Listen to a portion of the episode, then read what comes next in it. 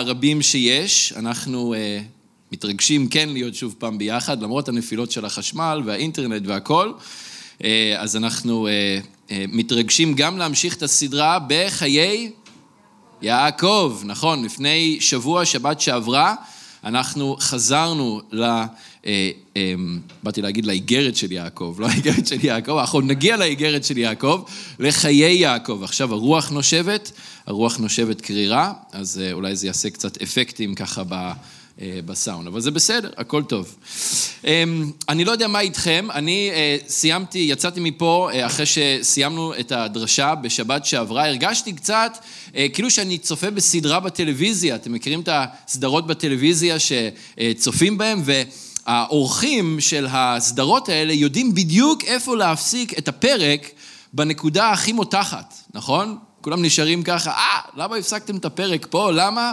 כדי שכולנו נרצה לחכות ולצפות בפרק הבא, וככה זה מדי פרק, אה, מפרק לפרק.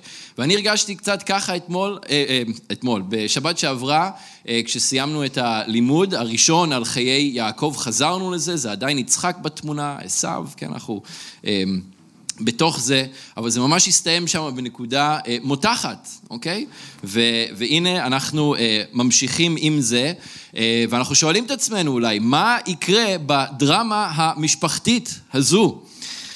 מה הולך אה, להתפתח? ויכול להיות שהצצתם קדימה, יכול להיות שאתם כבר מכירים את הסיפור הזה בכל מקרה, ואם כן, טוב שעשיתם, כי אתם יודעים שהמתח רק הולך וגובר ככל שאנחנו קוראים יותר.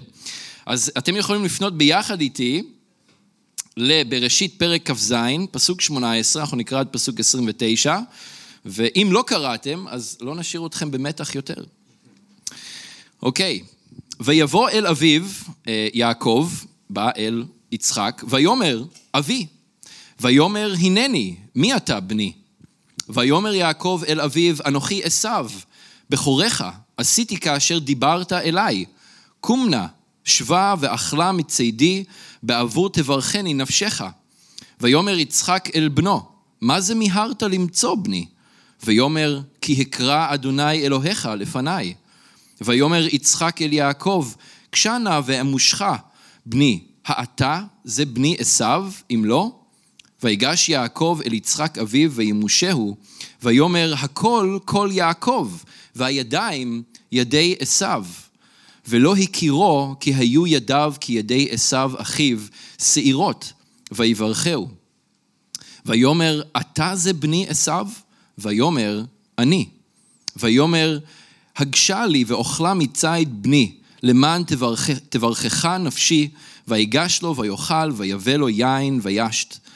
ויאמר אליו יצחק אביו, גשה נא ושקה לי בני, ושקה לי בני.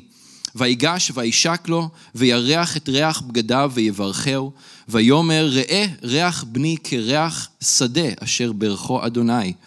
ויתן לך אלוהים מטל השמיים ומשמני הארץ, ורוב דגן ותירוש. יעבדוך עמים, וישתחוו לך לאומים. הווה גביר לאחיך, וישתחוו לך בני אמך. עורריך ארור, ארור, ומברכך ברוך. אז אדון, אנחנו מודים לך על אה, דברך. אנחנו מודים לך, אדון, כפי שקראנו אה, ושמענו מדברך מקודם, אה, אדון, שהדבר שלך הוא כגשם שיורד מן השמיים, אדון, והוא... הוא משיג את המטרה שלשמה שלחת, הוא מצמיח ו, ומביא פרי לרוב. אדון, ואנחנו מתפללים גם הערב הזה שדברך ייפול עלינו כגשם רענן, כמו הגשם שיורד בחוץ אפילו ברגע הזה. אדון, שהדבר שלך ייפול על האוזניים שלנו, על הלבבות שלנו, אדון, וישיג את המטרה, אדון, שלשמה אתה אה, נותן לדברך להיות מוכרז כאן הערב. אדון, אני מבקש את החסד שלך עליי. אדון, ואני מודה לך שאתה מכיר כל אה, מי שיראה וישמע את הלימוד הזה, את הדברים האלה מדברך. אדון, ואני מודה לך שאתה יודע בדיוק איך להביא את הגשם הזה אל תוך הלבבות שלהם, אל תוך הלבבות של כולנו, אדון, בדרך שנכונה ורלוונטית ומתאימה לכל אחד ואחת מאיתנו. אדון, אנחנו כאן מכניעים את עצמנו לפניך, אדון, ואנחנו רוצים להיות אה, אה, כנועים לגמרי לך, לרוחך ולדברך בדקות האלה. אנחנו מודים לך בשם ישוע המשיח. אמן. אז התמונה שאנחנו רואים, אוהל עמום וסגור, בתוכו גבר זקן שכבר לא רואה, יושב ומחכה. מוזיקה שקטה ומותחת, אולי כינורות וכלי מיתר אחרים שמתנגנים, תוף שדופק לו אט-אט ברקע.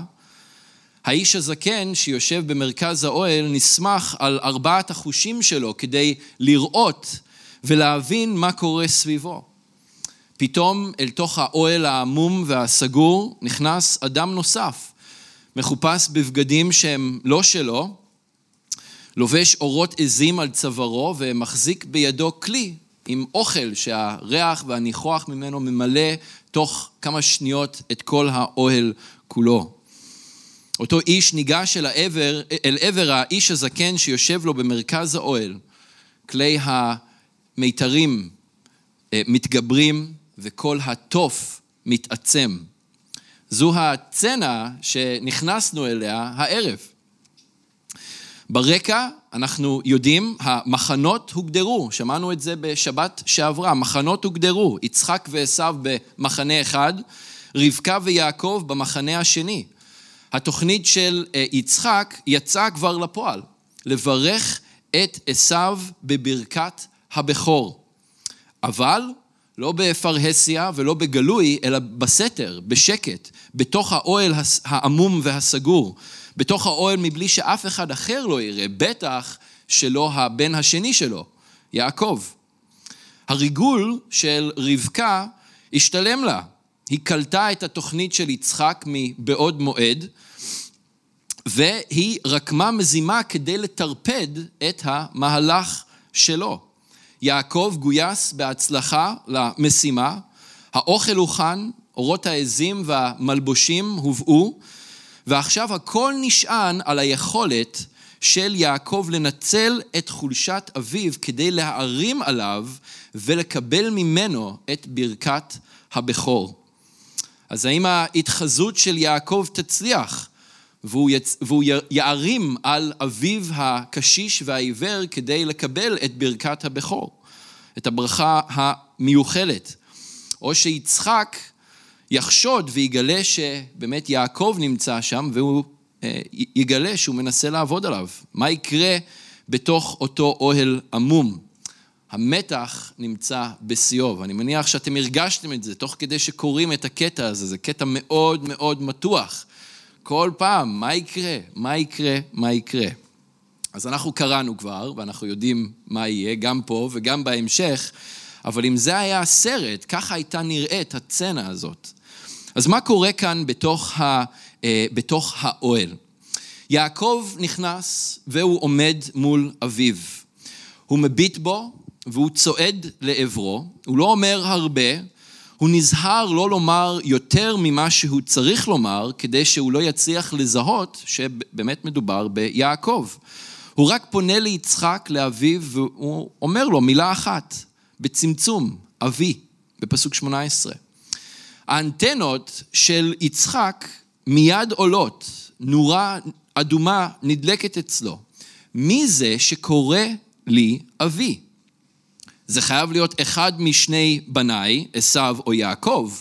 הוא מצפה לחזרה של עשו, אבל זה מהר מדי, זה מוקדם מדי. יצחק לא יכול לראות עם העיניים שלו, אבל כפי שקרוב, כפי שקורה לרוב עם אנשים עיוורים או עם קשיי ראייה, חוש השמיעה שלהם מתחדד מאוד, וזה הופך להיות העיניים שלהם, הרדאר שבאמצעותו הם מצליחים להבין את מה שקורה אה, סביבם. ולמרות זאת, לא היה אולי מספיק בשמיעה של מילה אחת, אבי, כדי להבין אם זה עשו או לא, או אם זה יעקב. יצחק לא מבין מי זה שנכנס לתוך האוהל וקורא לו אבי. אז הוא שואל, הנה, אז הוא אומר, הנני, ואז הוא שואל, מי אתה, בני? פעימות הלב של יעקב מאיצות ומתחזקות עד כדי כך שנראה לו שיצחק בעצמו יכול לשמוע אותן. הוא חייב לענות לאביו ולהגיד לו, מי הוא? אנוכי עשיו, בכורך. עשיתי כאשר דיברת אליי, קום נא, שבה, ואכלה מצידי, בעבור תברכני נפשך. האדרנלין משוחרר לדם, והגוף מגיב בהתאם. דופק מואץ, הזעה, יובש בפה, אולי רעד קל בקול. זה מה שקורה בזמן שמשקרים מבחינה פיזיולוגית, זה מה שקורה. יעקב סיפר זה עתה את השקר הראשון לאביו הקשיש והעיוור כדי לזכות בברכת הבכור. עכשיו, כשעשו מכר ליעקב את הבכורה, אם אתם זוכרים בפרק אה, כ"ה, שם לפחות כל העסקה התבצעה, מה שנקרא, מעל השולחן, בגלוי, כולם ידעו במה מדובר. זה נעשה באופן גלוי. אם אתם זוכרים, עשו חזר עייף מהשדה, והוא ביקש מיעקב לאכול מהנזיד שהוא בדיוק ישב שם והכין, וכנראה היה לזה ריח מאוד uh, טוב ומגרה. יעקב אמר לו, תיתן לי את הבכורה שלך, הוא ביקש את זה ממנו בצורה מאוד uh, ישירה. אה, עשו בז לבכורה, הוא נשבע ליעקב והעביר לו את הבכורה בתמורה ללחם ולנזיד עדשים. והכל היה בסדר. אחר כך אנחנו לא שומעים עוד שום דבר, לא קוראים שום דבר בתוך הטקסט שמעיד שהיה כאן משהו שאולי לא התקבל, משהו שנדחה, בין אם הסכימו עם זה או לא, אנחנו לא יודעים, זה שזה היה מקובל או לא, כנראה שלא, אבל זה קרה, ואחרי זה אנחנו לא שומעים על זה שום דבר, לא קוראים על זה שום דבר נוסף. אבל מה שקורה עכשיו זה משהו אחר. כאן מתבצעת עסקה מתחת לשולחן, במרמה, בסתר, מאחורי גבו של עשיו, כשיעקב משקר לאביו במצח נחושה. אני עשיו, בכורך, בכורך. הלכתי, עשיתי את מה שאמרת לי לעשות. תאכל מהציד שלי, כדי שתוכל כבר לברך אותי. יעקב אמר יותר ממה שהוא אולי רצה לומר, אבל הוא היה חייב לענות על השאלה של אביו כדי לנסות ולקדם את העניין כמה שיותר מהר. כמה שפחות להתמהמה ולתת מקום לשאלות נוספות, לשיח נוסף. אבל האנטנות של יצחק עלו, אבל אם האנטנות של יצחק עלו, כששמע שמישהו קורא לו אבי, אז עכשיו הוא עוד יותר חושד. המתח עולה מדרגה. יצחק אמנם לא רואה, אבל השכל שלו חד ופועל היטב. הרי הוא מוציא לפועל תוכנית יחד עם עשיו כדי לברך אותו. אבל משהו כאן עכשיו לא נראה לו כשורה. הוא חזר מהר מדי, הוא הגיע מהר מדי מהשדה. היה לוקח זמן לעשיו לאסוף את הדברים שלו, להתארגן, לצאת לשדה, למצוא חיה, לצוד אותה, להחזיר אותה, לוותר ולהכין אותה, לבשל אותה ולהביא אותה ליצחק. ליצחק. עכשיו, כל המשתנים האלה כאן, אולי את רובם אפשר היה להגדיר פחות או יותר, אבל העניין של הציד זה משהו משתנה. אי אפשר לדעת כמה ייקח ציד, כמה זמן ייקח למצוא את החיה, אולי כן היא תהיה חיה, אולי לא תהיה חיה. אולי זה עניין של כמה שעות, אולי זה אפילו עניין של כמה ימים. אי אפשר לדעת. אנחנו לא יודעים בדיוק מה היה מסגרת הזמן שהכל קרה, אבל ברור לנו מכאן שליצחק זה היה נראה משונה. ליצחק היה נראה שזה קורה מהר מדי.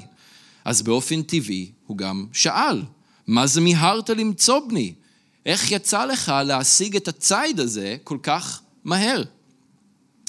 יעקב בבעיה, אבא חושד. פעימות הלב שלו מתחזקות עוד יותר. האם הוא יגלה את מה שבאמת קורה כאן?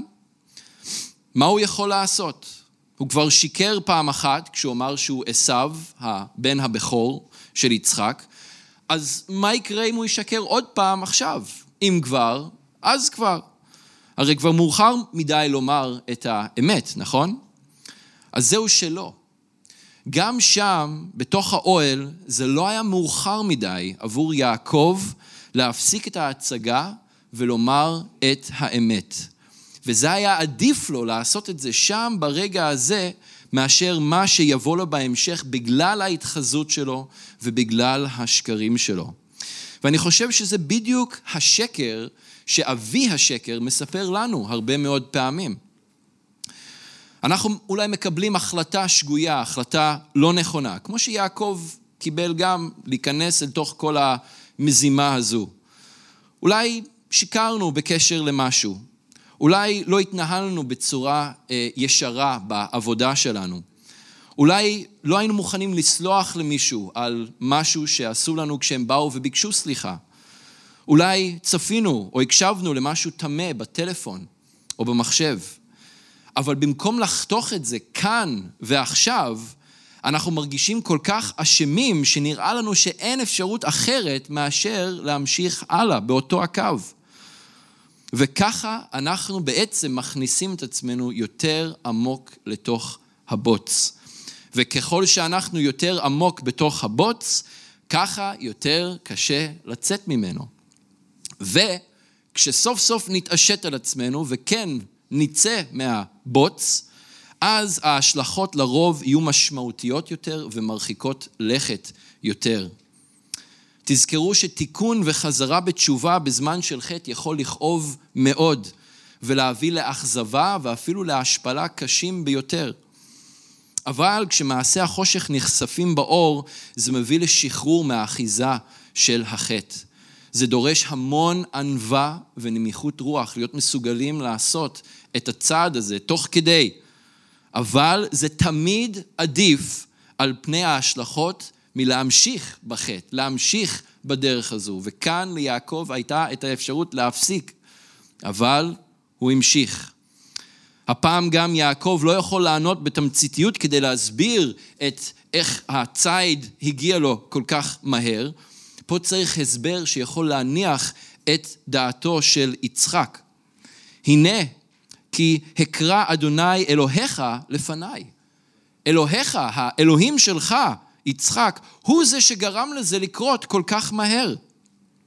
תראו לאיזה שפל יעקב מגיע. לא רק לשקר במצח נחושה, פעם ראשונה, פעם שנייה, אבל גם לשאת את שם אלוהים לשווא.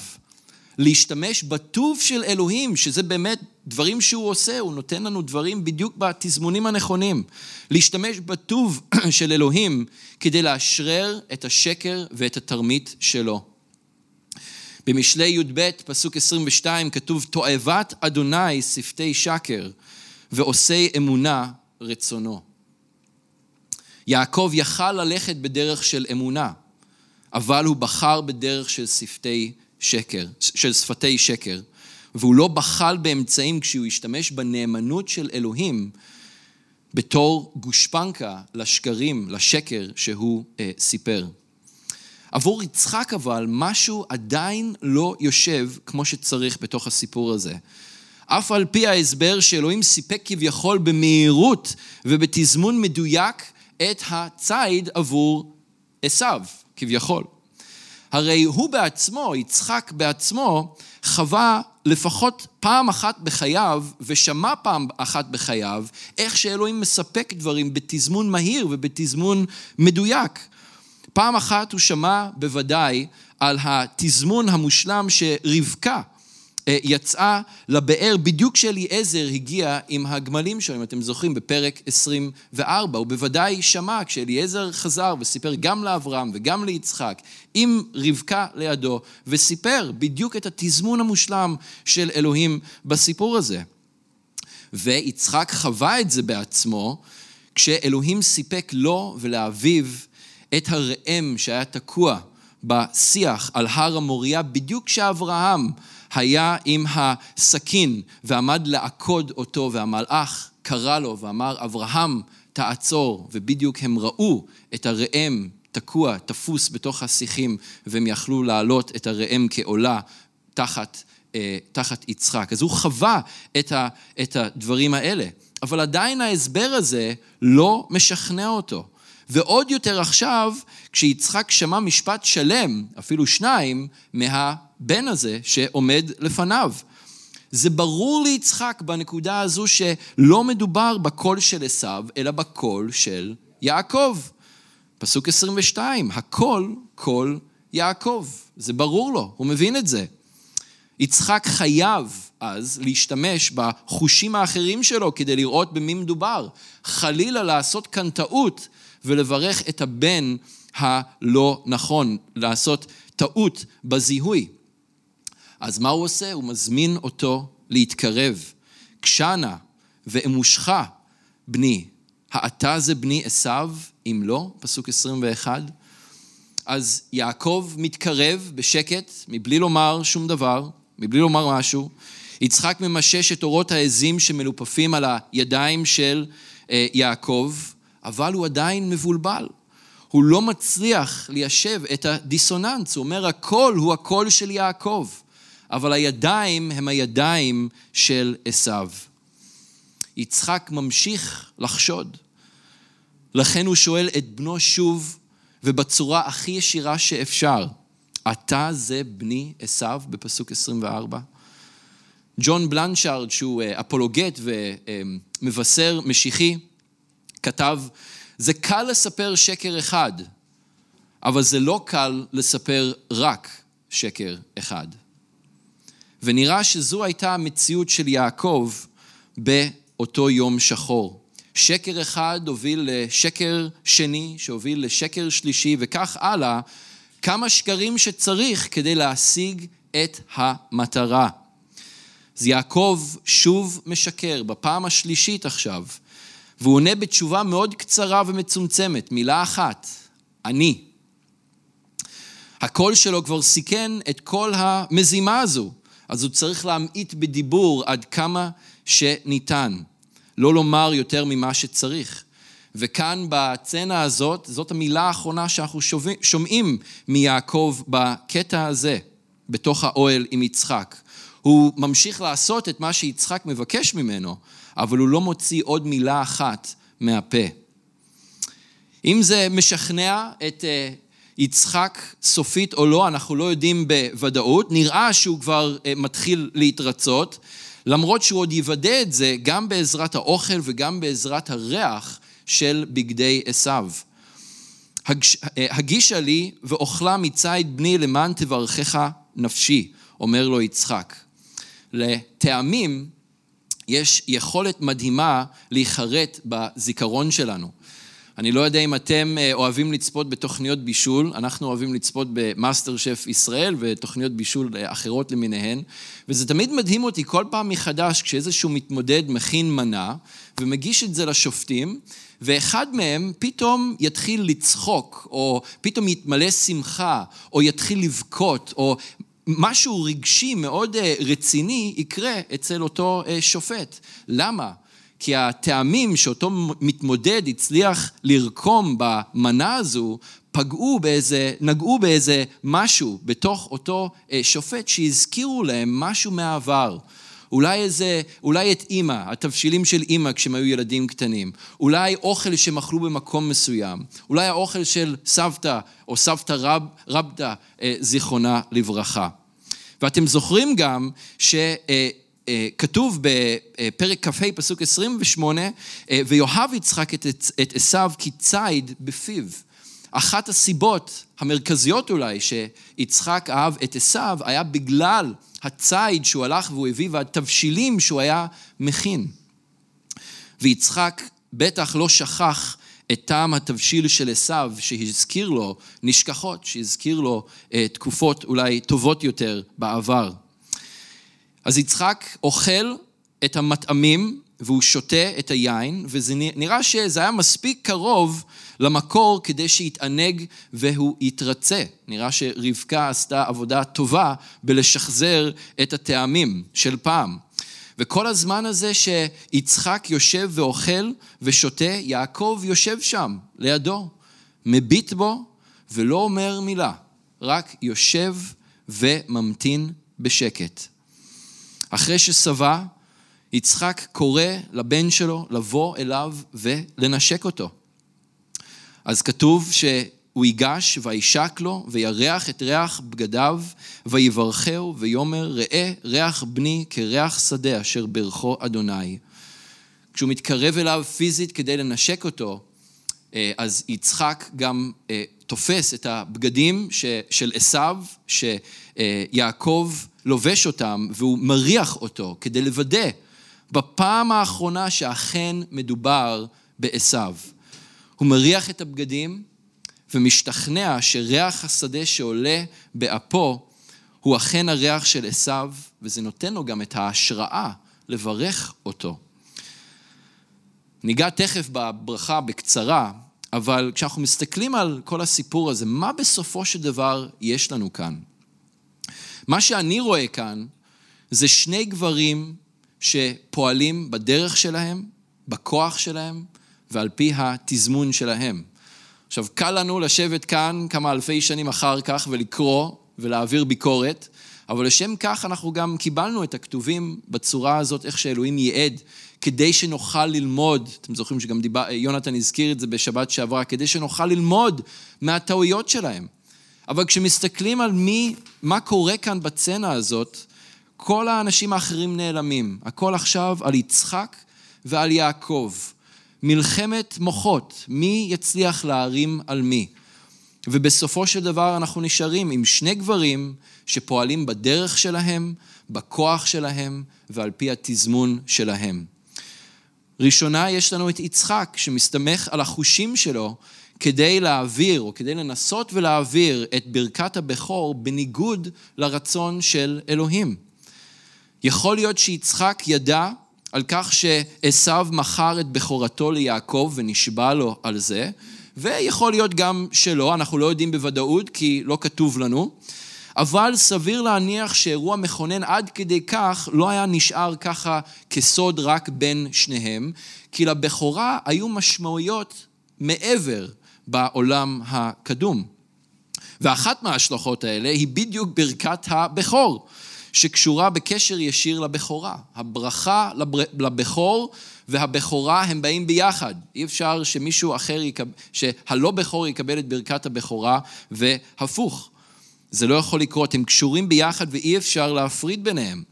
אז לא רק שיצחק התעלם מהנבואה שניתנה לרבקה, אה, כשהתאומים עוד היו בתוך הרחם שלה, רב יעבוד צעיר בפרק כ"ה, אלא שהוא גם התעלם מהזכות של יעקב לקבל את ברכת הבכור לאחר שעשו בז לבכורה ומכר לו אותה ונשבע לו על הבכורה.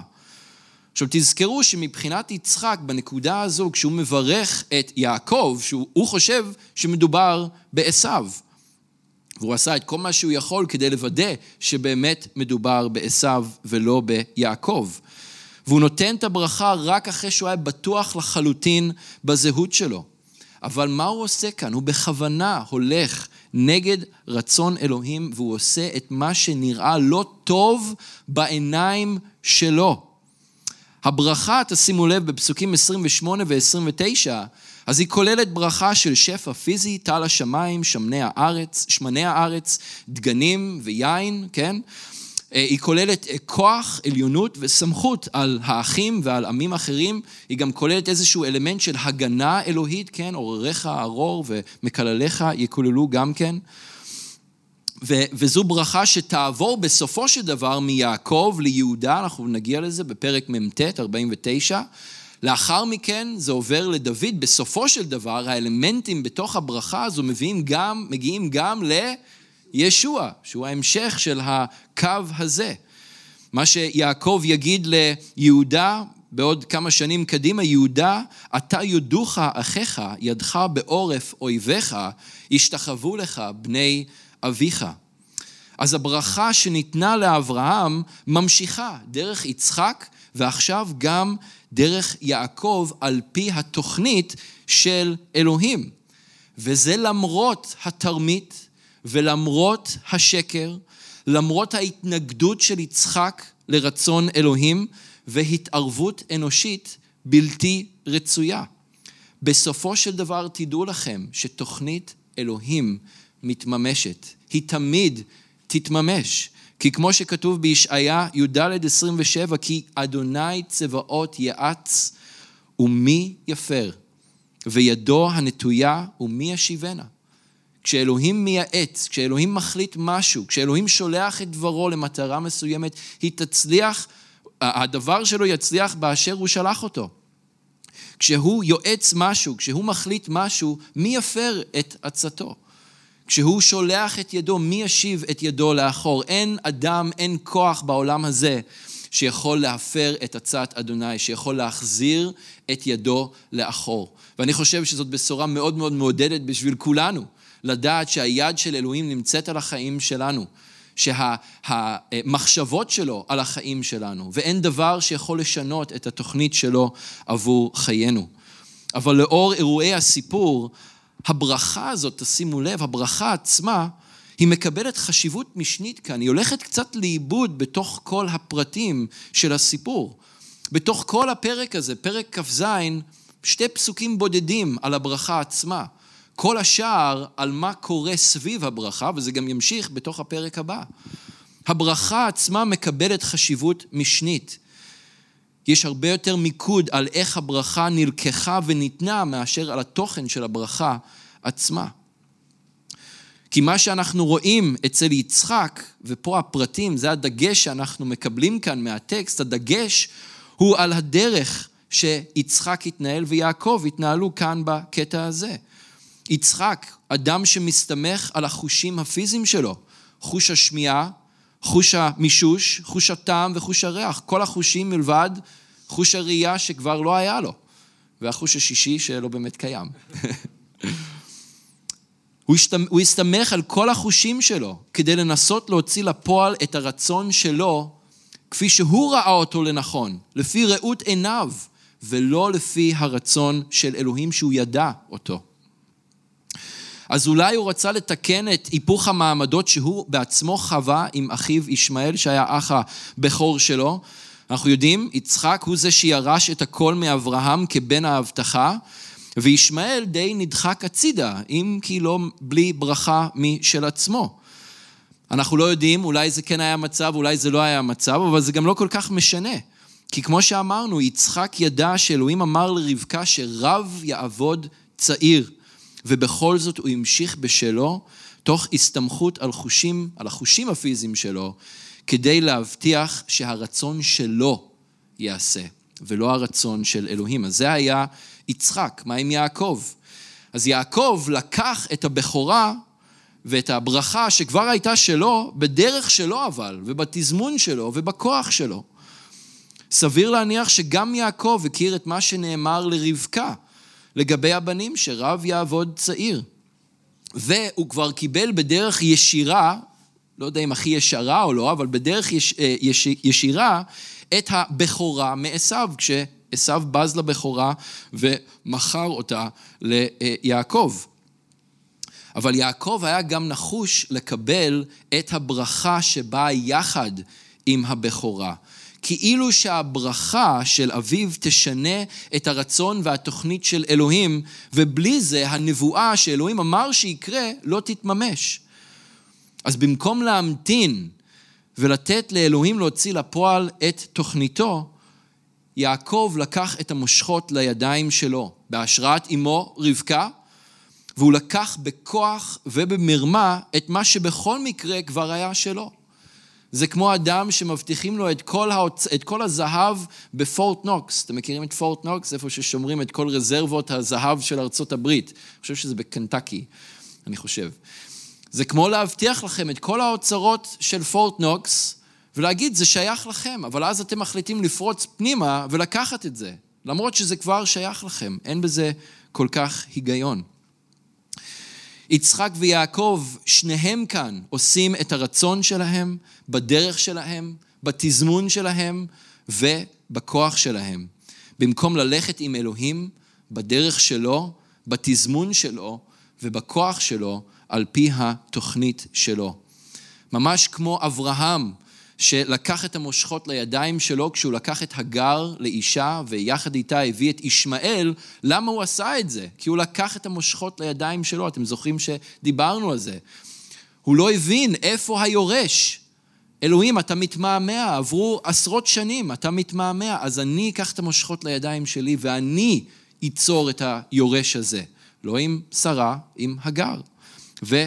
אנחנו יודעים לאיזה צרות זה הביא בתוך המשפחה שלו, של אברהם, של ישמעאל, של יצחק, של שרה.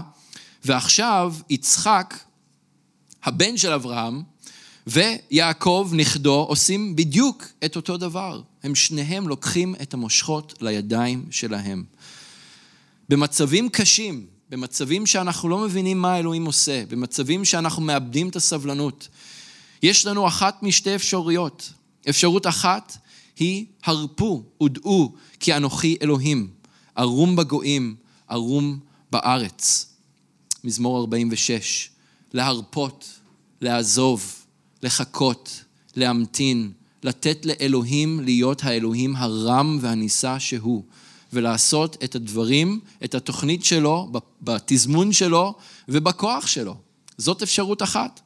האפשרות השנייה, מה שיעקב ויצחק החליטו לעשות כאן, לפעול בכוח, בתזמון ולפי הרצון שלהם. כמו שאנחנו ראינו, רואים שגם שאול המלך עשה, הוא פעל בתזמון שלו, לפי התוכנית שלו. הוא לא ציית לאלוהים דרך אה, מה שנאמר לו על ידי שמואל, הוא הלך לפי הלוז שלו, לפי התוכנית שלו. ובסופו של דבר הממלכה נקרעה ממנו, הממלכה נלקחה ממנו. האירוע באוהל העמום והסגור אה, מהווה נקודת מפנה מרכזית בחיים של ארבעת האנשים האלה, של יצחק, של רבקה, של עשיו ושל יעקב. ולמעשה, אם, אם ראינו בשבת שעברה שיש פה את המחנות בתוך המשפחה, אה, ויש פה משפחה אה, לא מתפקדת במובן מסוים, אז האירוע הזה זה אירוע מכונן, שבעצם מביא להרס סופי ולקרע עמוק בתוך המשפחה, שהתוצאות של האירוע הזה, מה שקרה כאן עכשיו בתוך האוהל העמום והסגור, הדהדו במשך עשורים ובעצם עד סוף ימי חייהם של כל האנשים האלה. אמנם יעקב קיבל את הברכה שהוא רצה בדרך שלו, אבל זה עלה לו ביוקר. זאת הפעם האחרונה שהוא יראה את אמו שכל כך אהב. אתם זוכרים שעשו היה ילד של אבא ויעקב היה ילד של אימא. זאת הפעם האחרונה שהם התראו בחיים שלהם. כשיצח... כשיעקב יצא מהאוהל, עשו ייכנס, יבינו מה קרה, עשו ירצה להרוג את יעקב, ורבקה תגיד לו, לך לאחי לבן לכמה ימים, עד שהרוחות יירגעו. בסוף הוא נשאר שם עשרים שנה, ובזמן שהוא נמצא שם, רבקה תמות, והם לא יראו אחד את השני יותר אי פעם בחיים. טרגי, ממש טרגי. דבר שני שקורה, המחיר שיעקב ישלם. עשו ירצה להרוג אותו, והיחסים שלו איתו יעלו על סרטון במשך שני עשורים, וגם כשהם יתרצו, הדברים לא באמת יחזרו לאיך שהם היו פעם. כשהוא יגיע ללבן, הדוד שלו, האח של רבקה, לבן יערים עליו, הוא יעבוד עליו בדיוק כפי שהוא עבד על אבא שלו, על יצחק. והוא יגרום לו לעבוד 14 שנים בשבילו כדי להתחתן עם שתי הבנות שלו, לאה ורחל. הבנים שלו, של יעקב, יותר מאוחר, שמעון ולוי, יחתרו תחתיו וירצחו את כל הגברים בעיר שכם, כשהם יתנקמו על המעשה שחמור בן שכם עשה לדינה אחותם.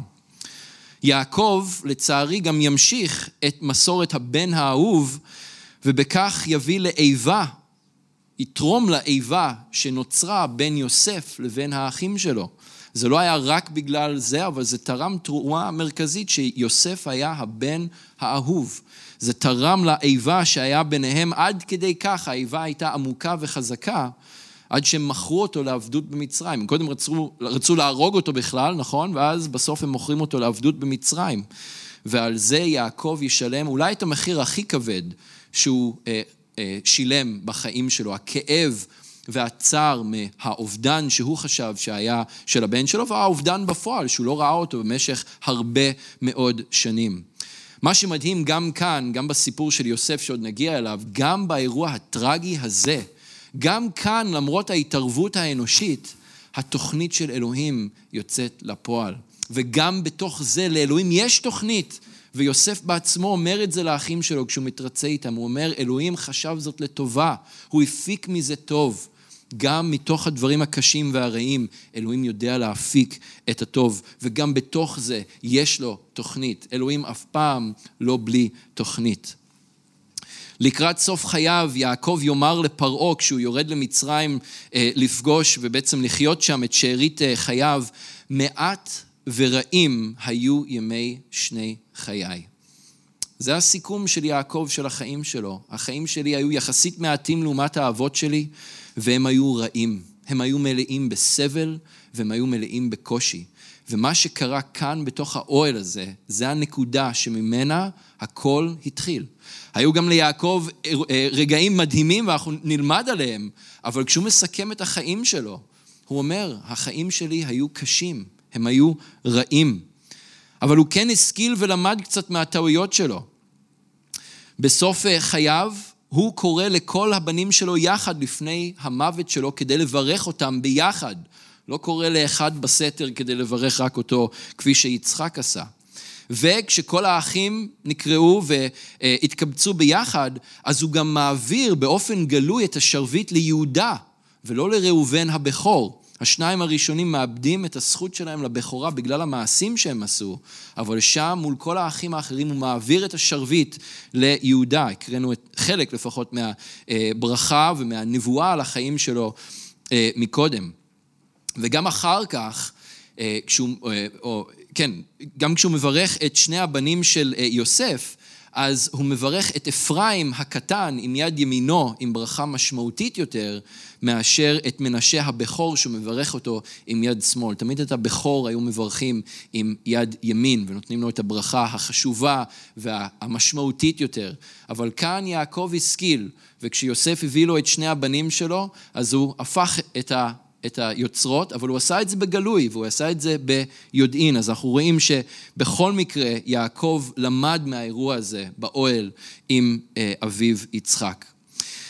בהקשר הזה, אה, שני דברים מרכזיים שאני חושב שאנחנו יכולים ללמוד אה, מהדמויות האלה, מיצחק ומיעקב. דבר ראשון, אל תחכו לסוף ימי חייכם כדי לתקן ולשנות את מה שאתם יכולים לתקן ולשנות כבר עכשיו. אז זה טוב שיעקב השכיל ולמד, ובסוף חייו הוא עשה דברים אחרת, אבל אנחנו יכולים, יש דברים שאנחנו יכולים לשנות עכשיו והיום. ולא לחכות ליום הזה שנהיה על ערש הדווי שלנו, או שאנחנו נהיה כבר זקנים מבוגרים ו- ו- ו- ולא יכולים להתנהל באותה צורה, כן? ולהתחיל להכות על חטא אז. היום זה היום להיכנע לאלוהים, לתוכנית שלו, לדרך שלו בדברו, לתזמון שלו. אם זה אומר לעצור הרגל רע שמונע מכם להתקרב לאלוהים, אז היום זה היום לעשות את השינוי. היום זה היום להתחיל לעשות הרגלים טובים, לשנות את ההרגל הרע להרגל טוב. אם זה להתחיל לנהל את העסק שלכם, או להתחיל להתנהל בעבודה, ביושר, אז היום זה היום לעשות את השינוי. אם זה לסלוח ולהתפייס עם אחרים, קרובי משפחה, חברים, אנשים בעבודה, אנשים כאן בקהילה. כל יום שעובר עם חוסר סליחה רק מגביר את הקושי, רק מכניס אתכם יותר עמוק לתוך הבוץ. היום זה היום להתרצות, היום זה היום לסלוח. אז זה הדבר הראשון. הדבר השני, אל תפעלו בכוח, בתזמון או לפי הרצון שלכם. לא כמו יצחק שהתעלם מדבר אלוהים ועשה את הטוב בעיניו, וגם לא כמו יעקב שלקח את העניינים לידיים שלו, שלקח את המושכות לידיים שלו, במקום לאפשר לאלוהים להביא לידי מימוש את מה שכבר אמר מראש שיקרה. הרפו ודעו כי הוא אלוהים. ולכו לפי התוכנית שלו. הרי כתוב במזמור ל"א, איתותנו בידיו. ויותר מאוחר במזמור קל"ט, אני אסיים עם המילים האלה, כתוב, אדוני חקרתני ותדע, אתה ידעת שבטי וקומי, בנתה לראי מרחוק, אורחי ורבעי זרית, כל דרכי הסכנת.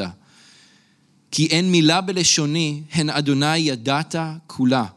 אחור וקדם צרתני, ותשת עלי כפיך. פליאה, פליאה דעת ממני נשגבה, לא אוכל לה. אני יודע שסופה קצת קשה, אבל הוא אומר בעצם, אתה יודע הכל עליי, אתה חקרת עליי ואתה יודע. אתה יודע את שבטי ואת קומי. אתה יודע כשאני הולך ואתה יודע כשאני בא. אתה יודע את המחשבות שלי מרחוק. אתה הולך איתי בכל הדרכים שלי. אתה יודע את כל המילים שלי לפני שאני בכלל מעלה אותם על הלשון. אתה שומר אותי מקדימה ומאחורה, והידיעה של הנפלאות הזאת שלך על חיי היא פליאה, היא גדולה מדי בשבילי. אני לא אוכל לה, כן? זה, זה יותר מדי עבורי. אני חושב שזה כל כך חשוב, כי כשאנחנו יודעים שאלה המחשבות של אלוהים כלפינו, אז זה גם עוזר לנו להרפות. זה עוזר לנו לשחרר, זה עוזר לנו להתהלך איתו בדרך שלו, בתזמון שלו, בתכנית שלו, ולא לקחת את המושכות לידיים שלנו. אז בואו נתפלל. כן, אבא, אנחנו מודים לך שוב על אה, דברך, אדון, ואנחנו מודים לך על גיבורי האמונה האלה שהלכו לפנינו.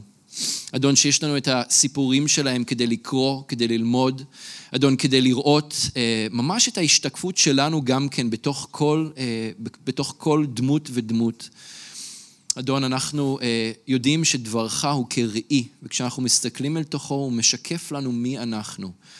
ואדון, תמיד אנחנו יודעים שבכל דמות ודמות שאנחנו קוראים, אנחנו רואים קצת מעצמנו שם. אדון, וגם הערב, כשאנחנו קראנו על, ה, על הסיפור הזה שקרה, על האירוע הזה שקרה בתוך האוהל העמום והסגור הזה, עם יצחק ועם יעקב, אנחנו רואים גם שם את עצמנו בדרך כזו או אחרת. אדון, ואנחנו רוצים לאפשר, אדון, לך לדבר אל תוך ליבותינו. אנחנו רוצים, אדון, לאפשר לך להצביע, אבא, על מה בתוכנו דומה להם וצריך להשתנות. אנחנו רוצים, אדון, להכניע אליך את המחשבות שלנו, את התוכניות שלנו. אדון, את הרצונות והחלומות שלנו. אדון, ואנחנו רוצים לומר לך שלא רצוננו אנו, אלא רצונך שלך. לא התזמון שלנו, אלא התזמון שלך. לא הכוח שלנו, אלא בכוח שלך. אדון, ואנחנו מבקשים שאתה תעזור לנו איפה שקשה לנו. אדון, אני מתפלל בשביל האחים והאחיות שלי כאן הערב. אדון, אני מתפלל שאתה תאיר את אורך, אדון, בתוך ליבותיהם, אדון, ושתיתן כוח לכל אחד מאיתנו ללכת אחריך, אדון, ולדעת להרפות, לדעת להרפות ו- ולהכניע את עצמנו אליך. אדון, אתה יודע כמה שזה קשה. אתה יודע כמה שזה קשה להרפות ולעזוב את המושכות ופשוט לתת לך לנהל את ההצגה. אבל אדון, זה מה שאנחנו רוצים ברוח שלנו. הבשר שלנו לא רוצה, אבל הרוח חפצה. אנחנו רוצים שאתה תנהל את ההצגה, אדון, לא אנחנו. תעזור לנו, אדון, להרפות. תעזור לנו, אדון, להתהלך אחריך. בשם ישוע. אמן.